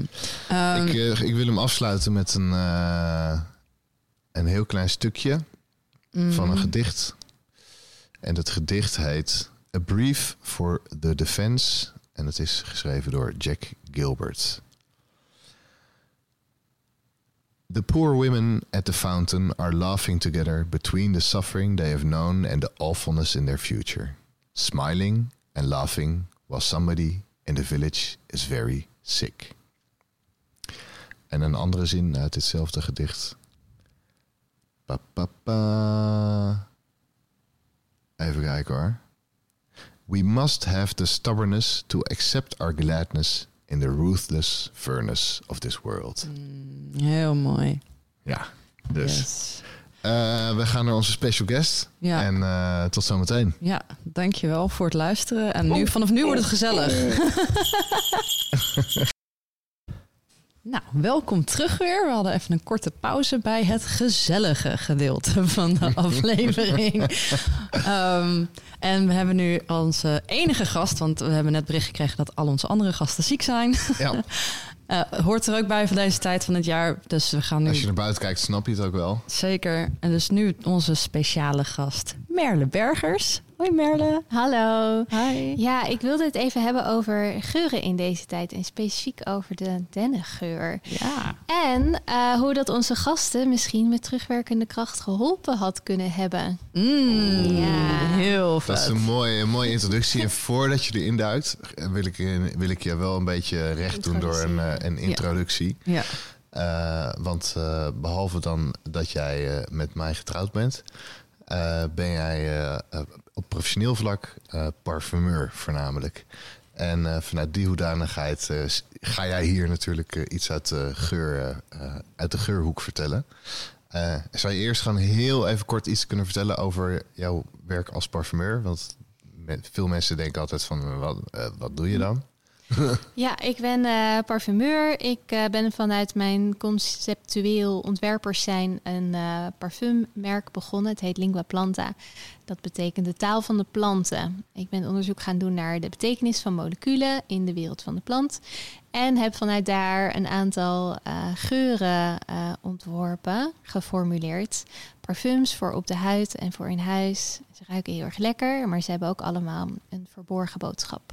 Mhm.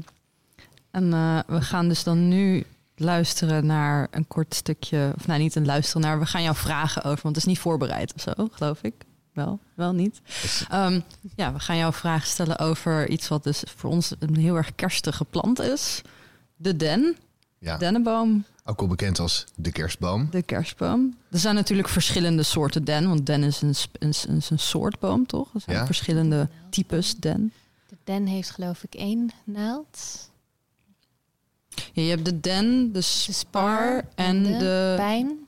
Eh, de hoe? De, De pijn. pijnboom. Ja. Mm. En die heeft eh, iets van vijf naalden, dacht ik. Ja, die zitten geloof ik zo aan... Ja, zeg maar, je hebt... Die zie je maar we veel in de... op, op, op glad ijs, want ik ben geen bioloog. Ja. Maar dat zie je meer in duingebieden volgens mij, hoor. Die, eh, die pijnachtig, die met zo'n kluitje, zo'n kluitje naalden in een... Nee, je hebt hier eh, bij Beerschoten ook. Ja, ja, zeker. Maar daar, daar kennen mensen denk ik vooral veel van. Ja, De- dus als ja. je dan aan de klassieke kerstboom denkt, dat is een Spar? spar. Ja. Volgens mij is dat een spar inderdaad vaak, ja. En, en, Ja. en eh, jouw ehm parfumbedrijfje gaat natuurlijk over het feit dat planten met elkaar communiceren. Met de wereld om zich heen communiceren door geurmoleculen. Ja. Mhm. En wat is... eh, ja, wat is dan de taal van de spar? zeg maar, waar, wat zijn de, de verschillende onderdelen van een, van een, of sorry, van een dennenboom? Niet per se een spar. Van een dennenboom die, eh, die taal, of die zeg maar dus de taal gebruiken. Dus geurtaal gebruiken. Nou, spar of den maakt eigenlijk helemaal niet zo, eh, zo heel erg veel uit voor het geurprofiel van beide. Ehm, wat je ruikt als je in het dennenbos loopt, ehm, die specifieke dennenachtige, frisse geur, een beetje balsamisch, ehm, eh, fris, fijn, lekker voor de ademhaling. Ehm, bestaat uit een aantal moleculen. En de meest voorname zijn alpha-pinene en beta-pinene en limonene. En ehm, dit zijn moleculen die, eh, grappig genoeg, ook veel worden gebruikt in eh, schoonmaakartikelen. En dat is omdat ze antimicrobieel, antifungaal zijn. En ehm, wat dus bijzonder is in deze tijd van het jaar, is dat we ons omringen met eh dennengeur. We halen een kerstboom in huis en sommige mensen die een diffuser hebben, die doen dan eh dennenolie in of eh, maken een mooie kerstkrans. Waarbij ze dus heel veel van die geur inademen. Ehm, maar die is dus ook eh, eh, een weldaad voor de gezondheid. En in het leven van een boom zorgt het ook voor eh, bescherming. Dus met name takken die afgebroken zijn, de harsen die vrijkomen. Daar zit dus die eh alpha-pinene, beta-pinene en de limonene in. En dat is ook ehm, precies wat je ruikt op het moment dat je eh, dennengeur inademt. Ja, Nou, en, de- en hars maakt een boom eigenlijk aan om, om Om zichzelf weer af te schermen. te, te, te beschermen, Ja. te regenereren. Want een open stuk van een boom, daar kunnen bacteriën in Kunnen gaan eh, infecties, zitten. ja. Infecties, net zoals wij als we, een, als we een wondje hebben eigenlijk. wij Ja, hebben of een, pleister. eh, of een Ja. loopneus. Mm. Nou ja, als wij een wond krijgen, dan gaat er ook eerst vocht op. Zeg Ja. Maar dan, eh, dan Ja. komt er een korstje op. Dus Ja. dat is Ze hebben ook eerst, zeg maar, net als een boom heeft eerst een sap en dan komt er een hars. Dus Ja. bij ons eigenlijk het korstje van de dennenboom Ja. Ja, is de hars. mooi. Ja, gaat Oké. ondertussen even een, een ambulance voorbij. Mhm. Oké, eh, limonenen Limonene, en alpha-pinene en beta-pinene. De- alpha-pinenen. Eigenlijk de en beta-pinenen. terpenen. Ja. En wat ik heel grappig vind, is dus dat de ehm eh, dennenboom dus heel, heel erg ehm, veel eh, gezondheidsvoordelen heeft. Mhm. En dat dus dus zeg maar die naam limonene, dat doet mij denken dus aan citroen. Mhm, En ja. de grote grap is dus dat zeg maar eh, het dus eh, de dennennaald vaak gebruikt werd vroeger als een, eh, een source of vitamin C. Ja.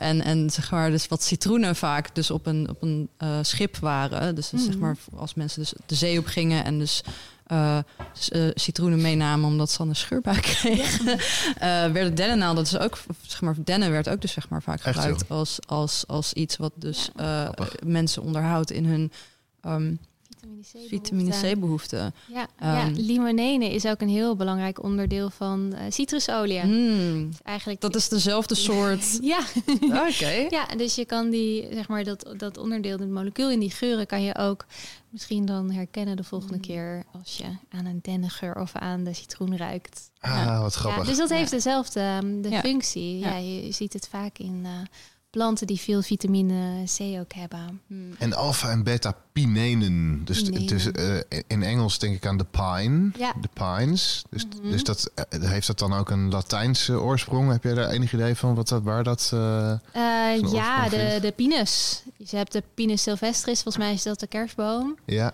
En eh, daar komt ook pinene vandaan. Daar komt ook het woord terpentijn vandaan. Oh, dus echt? ter, terpenen, terpentijn. Ja, Ja, dat Oké. komt allemaal van de, van de naaldboom. mooi. Dus een parfumeur is eigenlijk eh, ook gewoon eh, een beetje een scheikundige. En eh, tenminste een, eh, een flinke nerd. Helpt wel. Oké, hey, en wat, wat heb je Een meegenomen? Hebt- reuklinguist. Een reuklinguist. Ja, ja. Wat heb je op tafel? Je hebt een flesje op tafel staan. Wat, eh, wat zit erin en wat, wat gaan we ruiken? nou, ik heb ehm, even het eerste...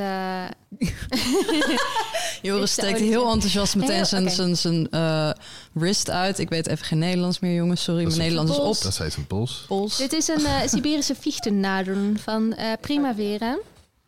Ik gebruik deze heel graag in, in, Oh. in bad. Dus het Sorry, was de eerste Siberische fichten. fichten. Fichtennadelen. Mm, Oké. Fichtennadelen. Ik ga even Het ruikt heel Duitse. Duitse verpakking. fichtennadel is heel lekker. Maar dat is wel echt zo'n... Zeg maar, als ik Ja. denk aan dennengeur... Mm. dan is dat wel echt, zeg maar...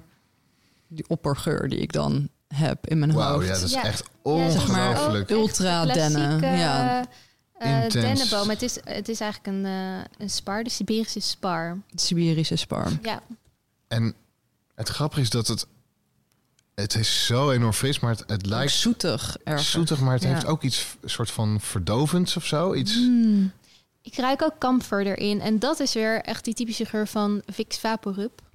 oh ja. Reclame ja. Ja, Dus eh camphor is ook zoiets wat, wat helpt met eh, eh, verkoudheden Ja. en, en, herstellen. En Je ziet het herstellen. ook vaak in, in ehm, heet dat, eh, crèmes. Zoals calendula gaat vaak Mm. met camphor samen, omdat het een herstellend effect heeft. Ja. En ruik je, ruik je de citroen erin? Of de... Dus de, de, de zelf- citrusachtigheid, ja, die ruik je er wel, die ruik ik er wel in. Ja. Ik vind het zelf moeilijk om die, eh, dat soort...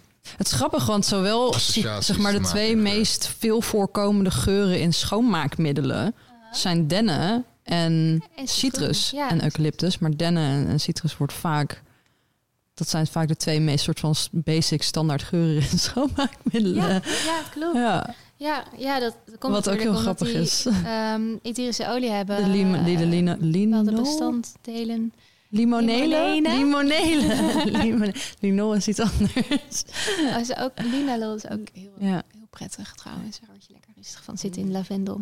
Hmm. Maar En- eh, dat terzijde. En als je Ja. dit beschouwt vanuit de wereld van plantencommunicatie... Mhm. Kan je daar vanuit die invalshoek ook iets over zeggen over, dit, over deze geur? Of over de geur van de spar of de den? Of...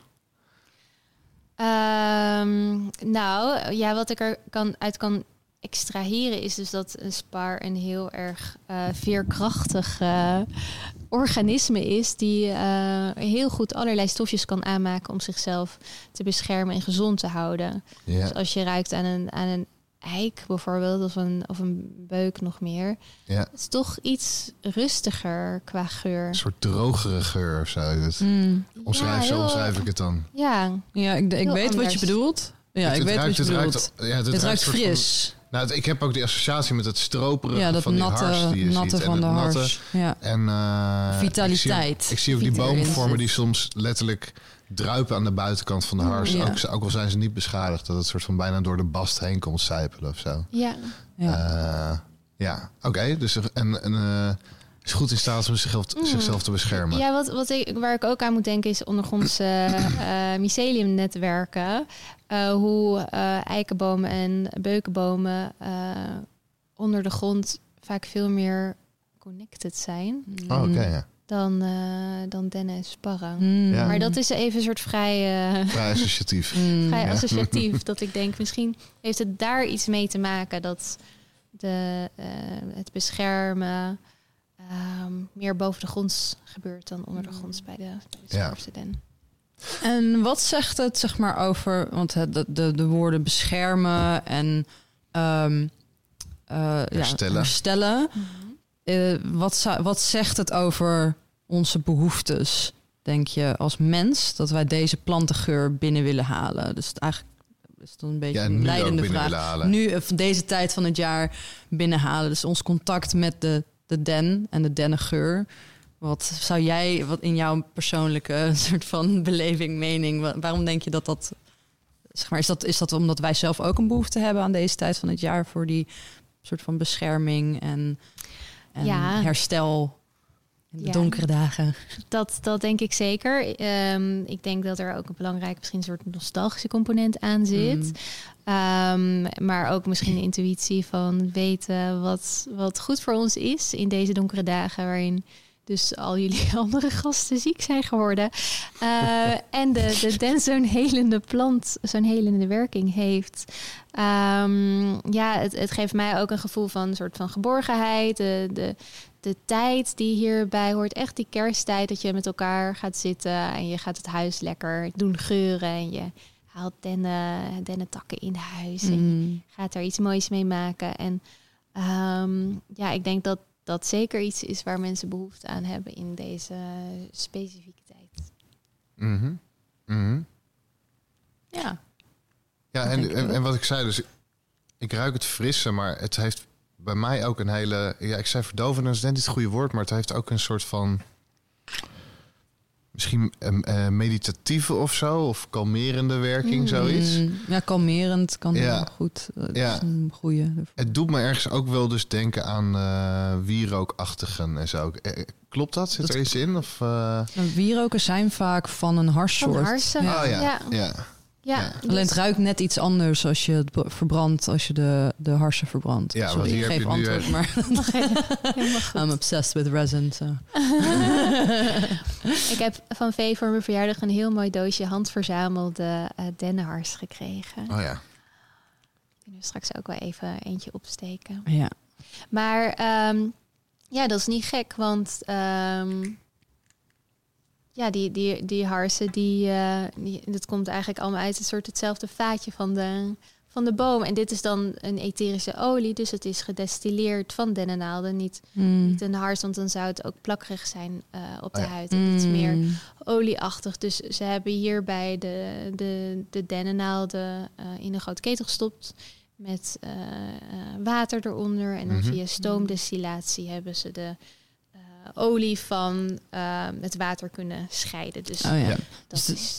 Dat is een ander onderdeel van de boom, zeg maar. Dus dan, er zijn verschillende onderdelen van de boom die op verschillende manieren ruiken en in een ander, Ja. ander Mhm. eh, eh, gevoel ook hebben. Dus inderdaad, de, de, de hars die kan kleverig zijn. Ja. En dan de, de naalden die geven dan dus ook.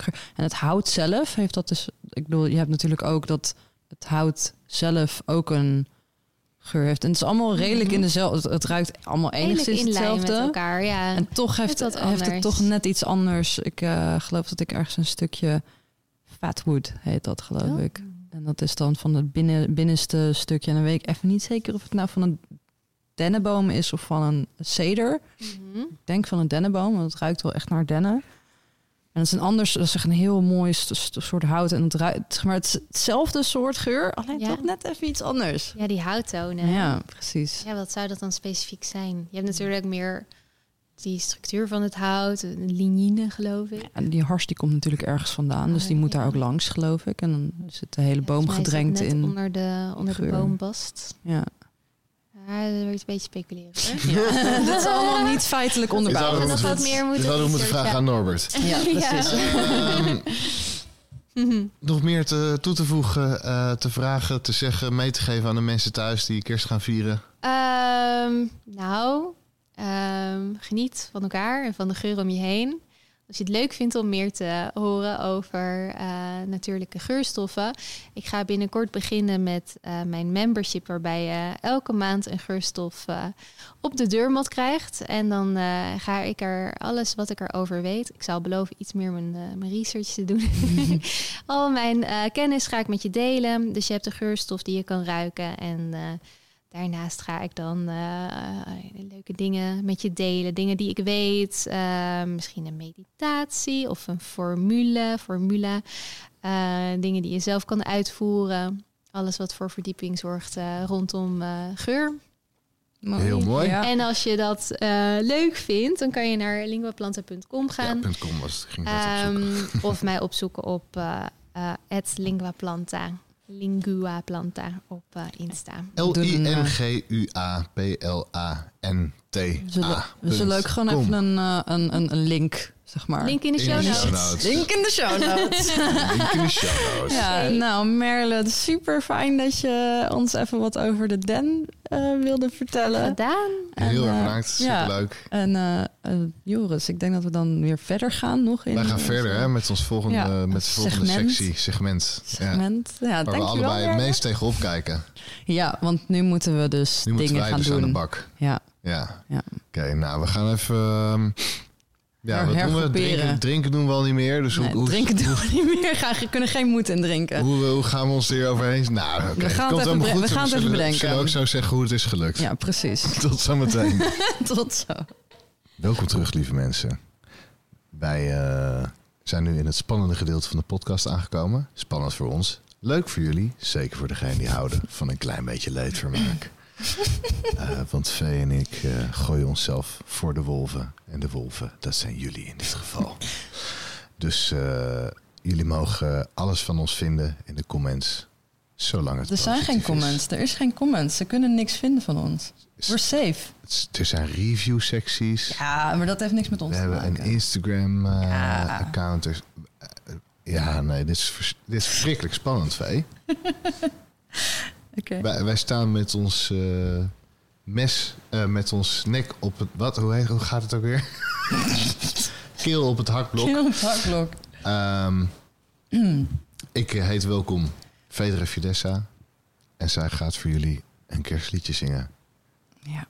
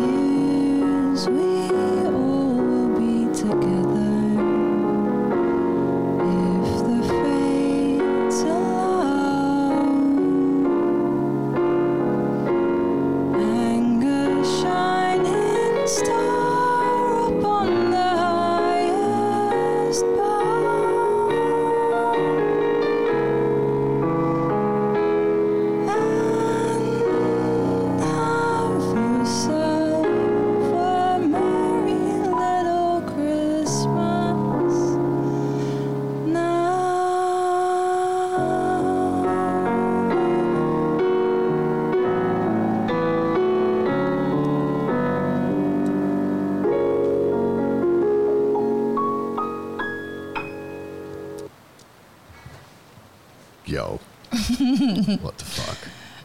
Ik vind, oké, mag ik even uitleggen waarom ik dit spannend vind? Want ik zing veel, ik zing vaak, ik heb Ja. mijn hele leven gezongen en ehm, ik vind het niet per se heel eng om te zingen, Mhm. maar eh, ik ben eh, eindelijk gestopt met roken. Eh, Het en viel me op inderdaad. Gisteren, gisteren ging ik naar bed en dacht ik, hey, je hebt helemaal niet gerookt. ja, ik ben eindelijk Lekker. gestopt met roken en en ehm, eh, dus mijn stem is heel anders. Aha, En ook de controle over mijn stem is heel anders. aha. En ik heb nu op dit moment, zeg maar, zit mijn lichaam dus in de clean-up. Aha. Of zeg maar niet eens clean-up phase, nog niet eens. Zeg maar. Dat is te kort geleden. Zeg maar ik ben nu net denk ik een maand of zo dat ik echt niet meer rook. En eh, klopt dat? Ik heb trouwens gewoon op mijn verjaardagsfeestje één sigaret gerookt of zo. Maar eh, zeg maar dus Niet liegen, hè, tegen de ja, oké, luisteraars. maar zeg maar, ik rook, ik rook niet meer nu. Dus ik, Ja. rook, ik rook niet meer. Ehm, en dus mijn lichaam is, dus aan, is aan het veranderen. En dus ook de controle over mijn stem is anders. En, ehm, en mijn ademhaling is anders en zo. Dus ik, eh, ik vind het spannend, omdat voor mij is dit zeg maar... ehm, dit is niet hoe ik normaal, quote-unquote, klink Mhm. dit is ook niet, ja, wat ik zeg, ik heb niet meer dezelfde controle over mijn stem nu, omdat dus alles ineens, spieren zijn anders en weet ik het allemaal. Dus Mhm. het voelt voor mij eigenlijk als, eh, ja, als, alsof ik dus soort van het voor het eerst doe. On- Ondanks dus dat ik het eigenlijk al gewoon echt mijn hele leven zing. Ja, Maar ja, dus het- ik, ik hoor mezelf dan zingen en dan is van, oh, ik kan dit helemaal niet meer. Of ik kan dat helemaal niet meer. En dat is eigenlijk een ding wat ik wilde doen. En zeg maar bepaalde stukken waar ik dan eigenlijk normaal gesproken, zelfs toen ik dus nog rookte, omdat ik een andere controle over mijn stem had, ja. dat ik dan dus ehm, langer bijvoorbeeld in een noot kon aanhouden of eh, dieper een noot in kan duiken en Ja. zo. En dat heb ik dus nu niet Anders. Niet, zeg Ja. maar, niet, nog niet. Want eh, zeg maar, zodra mijn lichaam dus weer een beetje bij is gekomen, dan ga ik denk ik mijn stem weer opnieuw trainen. Want Aha. je kan altijd dingen trainen weer opnieuw. Zeg Ja. maar. Dat iets anders is, wil niet zeggen dat het niet nog beter kan. Ja. En ik geef nu dus mijn lichaam even de rust en, en zo om bij te komen van eh, ongeveer 15 jaar torture in mijn longen. en, eh, en, en, en dus, ja, dus vandaar dat het voor mij eh, spannend is. Ja, cool. Toch gedaan. Toch maar gewoon lekker gedaan, hè? Ja, lekker. Toppertje. Goed bezig. Fijn. Dankjewel. Heel mooi. Heel mooi. Eh, dan zal ik eh, de hekkensluiter zijn met, eh, met een gedichtje die ik heb Mm. geschreven. en ehm, de titel van het gedichtje is Kerst. Mm, ja, kerst. daar heb ik lang over nagedacht. Ja. En, Want wat eh, was het eerst? Het heeft ook nog een andere titel gehad, toch? Eerst nog? oh, ik had een ander gedichtje, maar die had Oh, ik dat is een, ander, dat is een heel ander gedicht. Oké, nee, dan, dan... Dat heet Fijne Dagen. Ja. Wil ik ook al voorlezen? Nee, maar ik dacht dat eerst dat het misschien hetzelfde gedicht was. Ik vond... Nee. Nee, maar dat lees, lees voor welke je wil, wil voorlezen. Ja, ik, doe, Ja. Ik, doe, ik kan er ook twee doen, maar ik doe gewoon, doe ik gewoon doe deze. Je hebt dit uitgekozen, doe deze. Ja. Ja, Ehm, ik heb het niet per se uitgekozen. Ik heb het gewoon Ja. gisteren opgepend. oké. Ja. Ja. En ehm, ik doe dat dus eh, sinds een paar maanden. Dat ik gewoon eh, heb ik zo'n boekje en eh, schrijf ik gedichtjes in. Ja. En dat vind ik super leuk. Ja. behalve nu. nu is het spannend. ja, tot, Het is helemaal niet spannend. eigenlijk tot op dit Jawel, punt vond ik het allemaal heel leuk. En nu Ja. is het ineens heel erg kleur. Maar ik ben hier, ik ben hier en, en, en je kan dit doen. Ja, en onze nee, luisteraars vinden het ook hartstikke leuk dat je dit doet. Laten we het gewoon lekker doen, joh. Hey, Precies. Ik zit kerst. ook nog te trillen, dus we gaan zo lekker samen Oeh. trillen. Lekker. Peukje doen. Fuck jou, man. Kerst. Dan denk ik absoluut als allereerst aan mijn oma. Hoe we samen met neefje en grote broer dagenlang in de molen. Het menu, de mooie tafel, de films en de kaarsjes. Zwelgje toverde jaarlijks een stiekem traantje op ons gezicht. En wij hielpen met alles. Arthur de bloemen, ik de boontjes. Wat hebben jullie dat weer ontzettend goed gedaan. Dan kwam de familie en wij naar het circus met ieder, met ieder jaar weer een klein beetje minder dierenleed. Mijn mooiste kleren aan om te doen alsof ik ook al oud was. Ik doe mee, ik hoor erbij, net zoveel als de rest. Terwijl het hele gebeuren, als ik er zo nu op terugkijk, vrijwel volledig voor ons kleintjes werd georchestreerd. Wij beleven nog wat langer en de volgende morgen hadden opa en oma de afwas al gedaan. Dank jullie wel. Mm, mooi, dankjewel. Dankjewel, Joris. Graag gedaan. Zwelg je. Martin Zwelg je. Toonder. Oh mijn god, maar zwelg je de Oh. film? Nee, heb je dat? Heb je dat? als je begrijpt wat ik bedoel. Ja, als je begrijpt. Ja, precies. Ja, ja. zo oh Zo heet hij. god. Zwelg je de draak. Oh, ja. Ah, Ik, als ik aan zwelgje denk, uit. dan moet ik ook aan mijn opa en oma. Want dat keek ik ook alleen maar bij mijn opa en oma, Oh, ja. geloof ik. ja, ja, ja. ja dat, was mijn, dat was mijn jaarlijkse kerst. De hele kerst was ik bij, eh, bij opa en oma. Oh, En eh, met mijn broer en mijn neefje. oh, En eh, ja, fantastisch. superleuk. Ja, hier, hiermee zijn we denk ik aan het einde van ons eh kerst eh, Ja. special episode. Ja, wacht nog één keer.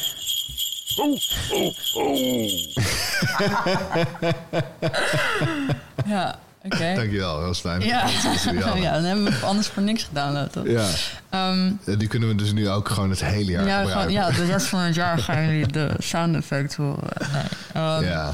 Lieve mensen, eh, eh, ik wens jullie allemaal een fantastische kerst. En, En een eh, uiteraard een jaarwisseling. En, en ook voor de mensen die geen gelukkige kerst tegemoet gaan. wij houden van jullie en het gaat goed komen. Ja, sowieso. Ja, Sowieso. En er Ja. is altijd nog genoeg in het leven waar wel om, om te lachen valt. precies. En, En, denk ook aan, aan de, zin, de zinnen die ik voorlas eerder uit A Brief for the Defense. precies. Eh, er, er, er moet gelachen worden. Ja. En, en ook, en dit is ook gewoon een van de dingen die wij ingestuurd kregen, is in het, in het duisternis vind je ook het licht. Ja, Dus eh, dat, daar gaan we mee afsluiten, denk ik. zeker. Mooi. Ja. Dankjewel. Dank jullie wel voor het luisteren. Tot volgend jaar. Tot de volgende keer. Dag.